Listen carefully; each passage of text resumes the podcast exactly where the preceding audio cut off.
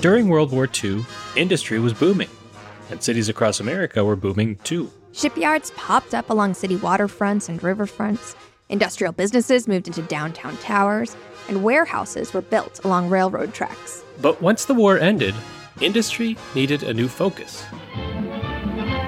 The reconversion of war plants to peacetime pursuits is going ahead at full speed. Vets came home, Most of the men who went away to war returned by the millions. factories went from making war materials to washing machines, Consumer goods of all kinds were coming off the assembly lines. and the suburbs became the most desirable real estate in America. Young families flock to buy a piece of the American dream. It's the good life in the suburbs. Incentivized by cheap federal mortgage loans and newly constructed speedy highways, middle and upper class white families left urban downtowns in droves. But due to policies like redlining, exclusionary zoning, and racial covenants, African Americans and some other groups were explicitly denied this opportunity. And so, as urban factories shut down after the war, or they moved to huge facilities in the suburbs where land was now cheaper, manufacturing jobs left cities too, and that left urban workers behind. And when industry started to leave the US in the 70s and 80s and go abroad, the situation got even worse for working class Americans in cities. The trend hit manufacturing cities particularly hard, especially places like Buffalo. manufacturing has always been in the DNA of Buffalo and Western New York.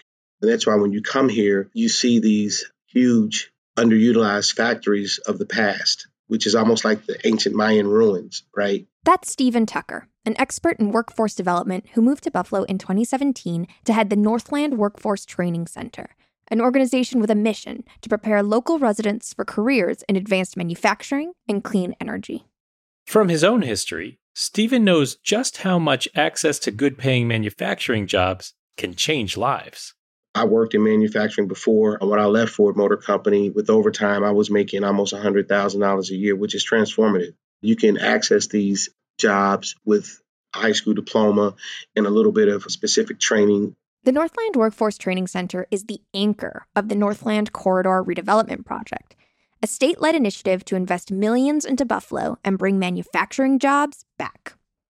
This multi million dollar project is laser focused on a particular part of Buffalo, the East Side, where the vast majority of the city's African American residents live.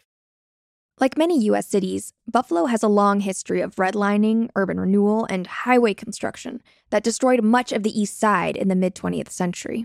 As a result, even as other parts of Buffalo have begun to revitalize, the East Side has been locked out of that growth.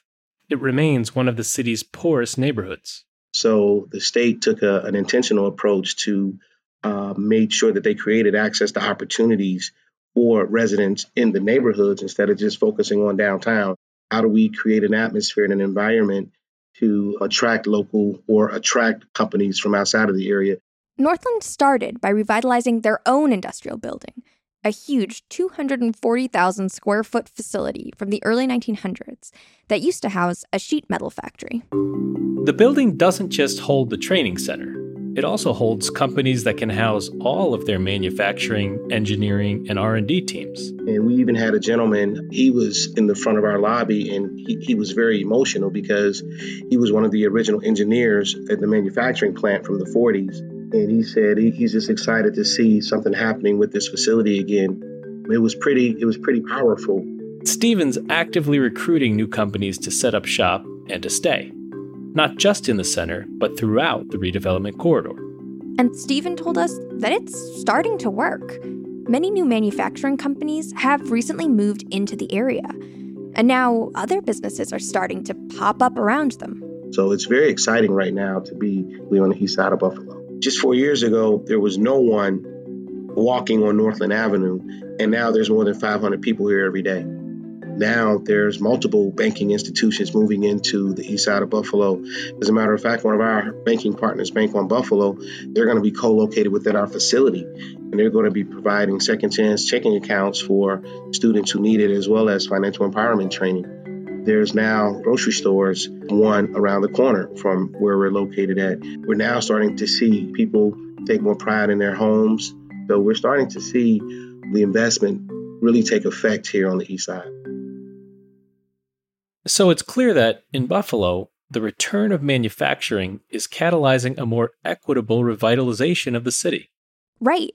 And by creating access to these jobs, both via proximity and skills training, Northland is forging a pathway for folks in the city who, until now, have been excluded from the benefits of the city's growth. And what Buffalo's doing could happen across the U.S. For years, we've allowed our manufacturing facilities to leave urban cores and go abroad, both to the detriment of Americans looking for jobs and to cities overall. But imagine if cities began to intentionally bring manufacturing back. We could potentially create wealth generating opportunities for people who need it. We could jumpstart development in disinvested neighborhoods. And maybe even provide a new, more resilient economic model for our cities. Welcome to City of the Future, a podcast by Sidewalk Labs. Each episode, we explore the ideas and innovations that could transform cities. We're your hosts. I'm Eric Jaffe. And I'm Vanessa Quirk. In our previous episode, we talked about tech focused innovation ecosystems, mixed use urban developments that aim to generate more opportunities for those who have been left behind by tech's growth. This episode, we're talking about ecosystems that bring next generation manufacturing back into our urban cores but they have the same aim creating more equitable and inclusive cities.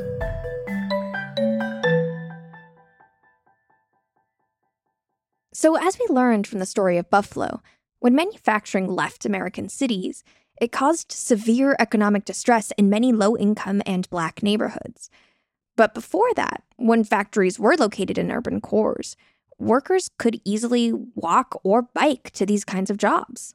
There was a lot to love about those lively urban cores of the early 20th century, but we shouldn't paint too rosy of a picture. Despite the benefit of living close to a job, you also lived near a loud, potentially polluting factory, and that had significant drawbacks. Absolutely. And as we know from the history of zoning in this country, low income people frequently had no option but to live in neighborhoods zoned for intense commercial or industrial use. And today we know the consequences of that. Consequences that have been most severely felt by communities of color who continue to suffer from higher rates of health issues like asthma and cancer. In fact, data shows that residents who live in majority black census tracts are twice as likely to develop cancer from industry related air pollution than people in majority white tracts. So, bringing manufacturing back into urban neighborhoods, especially neighborhoods that have experienced this type of disinvestment and that may have historically been exposed to the pollution and negative externalities of industry, that seems fraught. It is, and you can't take on something like that lightly. But I'd argue that it also offers an opportunity to right some of these historic wrongs. Right. Because as we saw in Buffalo, it can really bring not just jobs and wealth to individuals, but revitalize whole communities and neighborhoods. So the question becomes can we bring the benefits of industry back to these neighborhoods without the drawbacks? That is the question. And many people think the answer is yes because manufacturing today is fundamentally different than it used to be. Think about microbreweries or makerspaces, and that's just the start. In fact, today there are very advanced manufacturing companies that are way cleaner and greener than the factories of yore. So there's no gearbox, there's nothing to shift. You just twist the throttle and. Uh... That is the sound of an electric motorcycle made by Tarform. It's sleek, matte black, the kind of ride Batman would look right at home on. Tarform is just one of the many next gen manufacturing companies based at the Brooklyn Navy Yard in New York City. Across the yard's 300 acres, you can find all kinds of prototypes. While I was there, I saw a drone taking off. I saw Sidewalk Labs' flexible street prototype. Flexible streets. Shout out to episode 15. Exactly. And I even got to ride in my very first self driving vehicle. Nice stop at the stop sign here. Complete stop. More than I would have done, let's be honest. And of course, there are companies at the yard making very cool things that you can only see if you go inside one of the buildings, like Kingdom Supercultures, for example. They're a company that's trying to replace the artificial chemicals in our foods with natural microorganisms. Nice. Sounds very futuristic. Yeah, it's super cool. And I got to tour their office at the yard, and there was a lot of fancy science equipment and beakers and flow hoods, and it was all safe enough that their 25 person team could work on laptops right next to it all. That is amazing. And I bet being in New York helps them attract a lot of great technical talent. Though I have to admit, it's pretty unusual that all these companies are here. I mean, New York isn't exactly known as a manufacturing town anymore. You're right. And the fact that the yard is here at all is actually thanks to John Adams, who set aside the land for federal shipyard production back when Brooklyn was all just farmland. And the yard continued to make ships until it was decommissioned in the 1960s, when the city bought the land for industrial use. Today, the city still owns the land, but now Brooklyn is one of the most desirable real estate markets in New York. Okay, so I'm taking you to my favorite place in the yard, which is the roof. That's Johanna Greenbaum, the yard's chief development officer and a former Sidewalk Labs employee. Although publicly owned, the Brooklyn Navy Yard is privately operated and in the midst of a major revitalization. Johanna's job is to redevelop the existing buildings and attract new tenants so the yard can generate the revenue it'll need to grow and develop new buildings in the future. But you've got this amazing view of the New York City skyline. We're lit- literally looking at the Manhattan, Brooklyn, and Williamsburg bridges. We are this closed facility that touches five major Brooklyn neighborhoods from Dumbo to downtown Brooklyn to Fort Greene, a little bit of Clinton Hill. Many of these neighborhoods were historically black, but over the decades, as land values and rents have increased, their demographics have shifted dramatically. Take Fort Greene, for example. In 2000, that neighborhood was 42% black, but in 2019, it was only 20%. So, providing local residents with access to the yard's jobs, internships, and training opportunities could not only offer pathways to wealth, but also the possibility of staying in their communities. In fact, the yard is actively trying to do just that by forging more connections with its neighbors. So, take Nanotronics, for example. They're a next generation robotics company that I checked out while I was there, which, by the way, Eric, has a very stunning mass timber office. Shout out to episode one, Mass Timber. Exactly. While I was there, I met Nanotronics Chief Operating Officer James Williams, and he told me that their partnership with Medgar Evers College, a college of professional studies in a black Brooklyn neighborhood about three miles from the yard, has been critical for their growth. We're able to scale up rather quickly to grow a workforce that is able to work on the most technically exciting uh, and advanced next generation foundational technologies. Uh, so we have grown probably threefold in the last year and a half, and we'll add 80 more people. So if anyone has a resume they want to send over, we're more than happy to bring you onto our team. And it's not just the companies in the yard that benefit from being in New York. The city benefits too. And that became all too clear when the pandemic hit last year. In March of 2020, we started making these non invasive ventilators. We realized we're going to have to scale up quick to meet the demand to try and save as many lives as possible. The Navy Yard helped loan us their uh, steam center here in the yard, and we're churning out, you know, uh, 12 to 1500 of these um, medical devices a week that are being sent all over the world and saving as many lives. Johanna told me that Nanotronics wasn't the only company on the yard that sprang into action when COVID struck. We quickly went to companies and said, Can you make this? How fast can you make it? Here's another company on the yard who can help you. And people, companies that didn't know each other, went into business with each other and started producing face shields, gowns in like less than a week, which is why I think it's so important to have these types of creative, innovative companies that can actually make things. Um, not just, I mean, computer code is great and software is awesome and offices are important to the ecosystem of New York, but you also need people who are capable of making the thing, especially when supply chain is not what we've all relied on it to be. Johanna's point about supply chains is really relevant right now. I mean, the pandemic has really exposed how vulnerable supply chains are. Having manufacturing in cities could not just create jobs, but it could make cities and whole economies more resilient. Right. And think about all of the CO2 emitted as a result of manufacturing things very far away and then shipping them very long distances to get to people. If more cities produced needed goods right where people live, that would be a win for sustainability and resiliency. Okay, so we've talked about the benefits of next gen manufacturing for companies and the benefits for cities, but what's in it for the developers? I mean, as we know from our previous episodes this season, we need real estate developers on board and aligned with communities and cities if urban development is going to become more inclusive and equitable. That's the pivotal question. And for developers in cities like New York, where land values are very, very high, building housing, for example, that's a sure bet. But building a mixed use development with industrial uses, I mean, that's new, and the economic returns are less of a known quantity.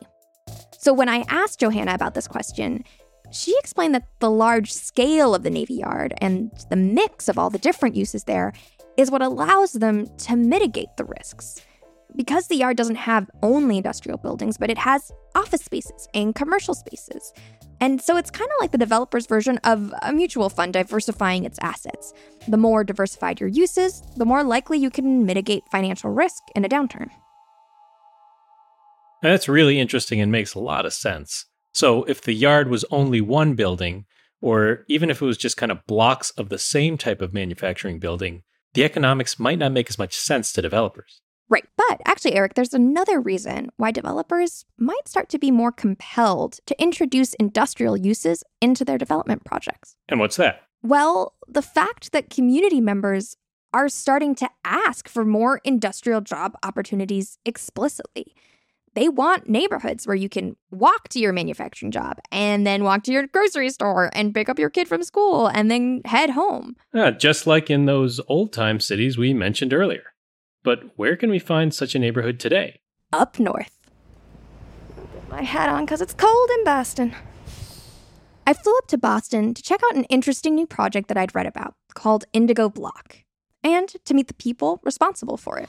Welcome to Indigo Block. I'm Beth O'Donnell. I'm the real estate director at Dorchester Bay Economic Development Corporation. I'm Kimberly Lyle, the director of strategy and development at Dorchester Bay. Dorchester Bay is a mission driven development company focused on Boston's Dorchester neighborhoods. I live about five minutes up the street. It's a pretty diverse neighborhood, overwhelmingly people of color. We have lots of folks in the community of Cape Verdean origin, Haitian origin, lots of Latinos.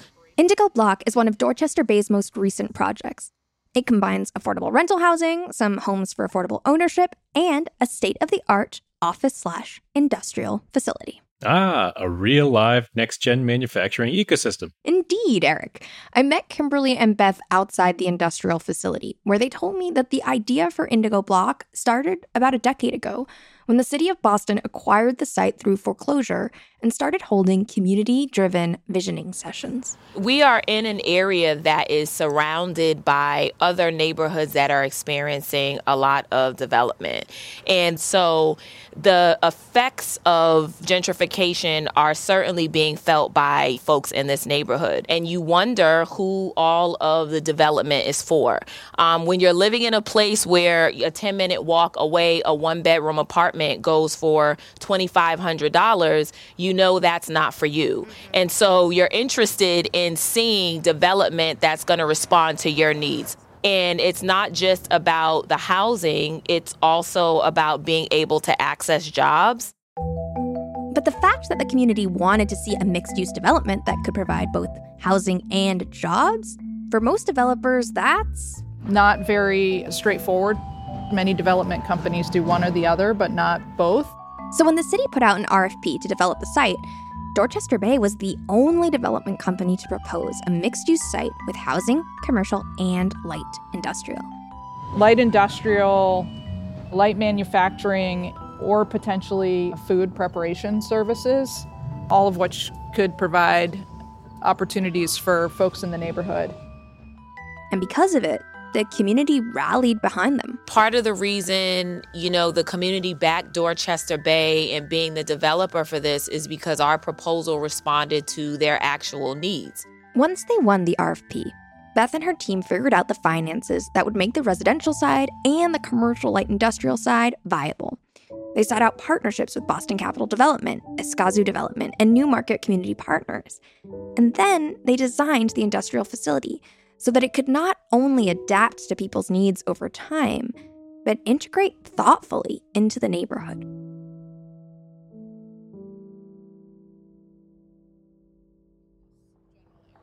I'm ready to take a look if you're ready to show me around. Yeah. It's a pretty cool space. Wonderful. This is our light industrial space, high ceilings. Mm-hmm. There are four loading bays. There is a, a mezzanine, and the idea here is that there might be offices up there and an opportunity to look down onto the production That would be space from the mezzanine. Beth and her team wanted to be thoughtful about mitigating the potential negative aspects of having an industrial facility as your neighbor. Things like big, dangerous trucks, for example. So they intentionally decided to make the building inaccessible to 18 wheelers. Um, the potential for conflict with the abutting residential, and you can see now how close it is. It's just across the street. Exactly. And they tried to design a flexible building that could adapt to a future where economic or jobs needs change. So the spaces are wide open and easily divisible, and the floor is gravel. While we have uh, gravel here as the base, uh, we can be infinitely flexible for our future tenant in terms of where they're going to put their infrastructure, including their plumbing. Because if it wa- if it were concrete, then you'd have to crack through it every time you wanted to move something around. Correct. Oh, that's pretty neat. At the risk of shouting out a third episode, this space sounds a lot like the flexible ground floor STOA concept we explored in episode 7. It does, totally Stoa like. And not just because of the flexibility of the space either, it's also porous to the ground floor. So those loading dock doors, they open up to the street and they're right across from the Indigo Block housing complex. Ta-da. In fact, the whole site is pretty porous to the neighborhoods around it. The idea was to be an extension of, of the neighborhood, not to be a neighborhood unto ourselves. Hmm. So the site is open to the public, the playground is open, and the future ramp to the train are, are all open to the public. And I think you mentioned that it's close to the the the T, right? So it does have public transit. The T is right there. it is. We also recognize that this area isn't the only area where folks may find employment. And so being able to have access, quick access to downtown, increases access for people in this neighborhood to, to seek out employment elsewhere. To show me just how close everything in the neighborhood really is, Kimberly and Beth walked me just half a block to the new residential building. So we've got everybody from formerly homeless folks all the way up to, you know, families making over $100,000. And the units are interspersed. That's right. There's no poor door situation here. And there's no skimping on, you know, surfaces and finishes based on someone's income, which is really important, right? There's like some houses across the street. It looks like they're also under construction. Are, are these part of the project as well? They're meant for first time home buyers. That's pretty remarkable too that you were able to incorporate that. That's unusual, right? Well, also in response to community needs. So, this is a really good example of how the community recognized that it needed and wanted a couple of different things, and we were able to deliver on, on them. Wow, I mean, it sounds like Indigo Block provided everything the neighborhood needed and wanted. It has housing, it has jobs, and it brings a thoughtful mixed use development with industry into the heart of this community. Yeah, and people are already moving in. Tenants will soon be occupying the industrial facility. Soon the whole neighborhood is going to be buzzing with activity. But I should note that just bringing industrial use into a development project isn't going to automatically equal more jobs for communities of color or other historically excluded groups. Hmm, right. This isn't something that the developer can do alone. Like we saw in Buffalo and in Brooklyn and in Boston, developers have to work with partners to make sure their projects are directly supporting the communities that need it most.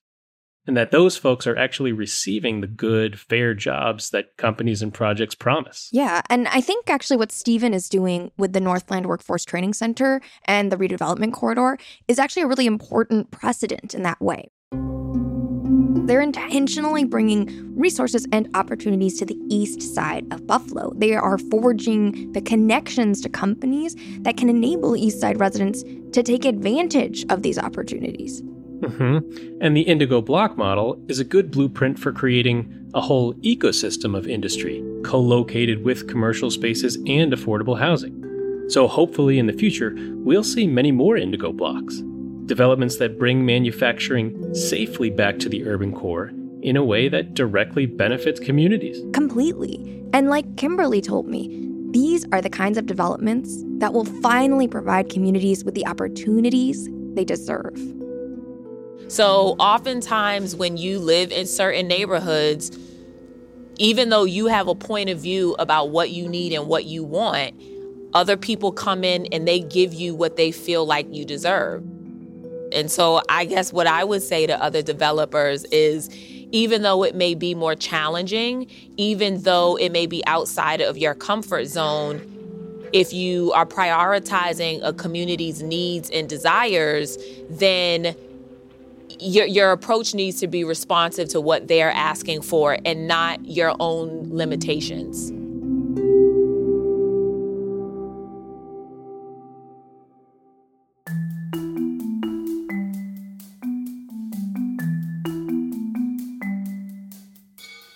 Thank you for listening to City of the Future, a podcast from Sidewalk Labs. Your hosts are Vanessa Quirk and me, Eric Jaffe. Thanks to all the guests who made this episode possible Stephen Tucker, Johanna Greenbaum, James Williams, Kimberly Lyle, and Beth O'Donnell. And a big thank you to some of the folks you didn't hear in this episode Claire Weiss, Andrew Whittemore, Tarform's, Taras Kravchuk, Kingdom Superculture's Ravi Sheth and Kendall Dabaghi, and Nanotronics' Matthew Putnam. And a big thanks, as always, to Allison Novak, Jesse Shapins, and Crystal Dean of our Sidewalk Urban Development team. We are produced by Guglielmo Mattioli, our advisor is Benjamin Walker, and our mixer is Andrew Calloway. Story editing was by Rough Cut Collective. Our music is by Adam James Levin Arity of Lost Amsterdam. Our social media and transcripts are by Jamie Lee Hogland. And our art is by the great Tim Cow. We'll see you in the future. Bye.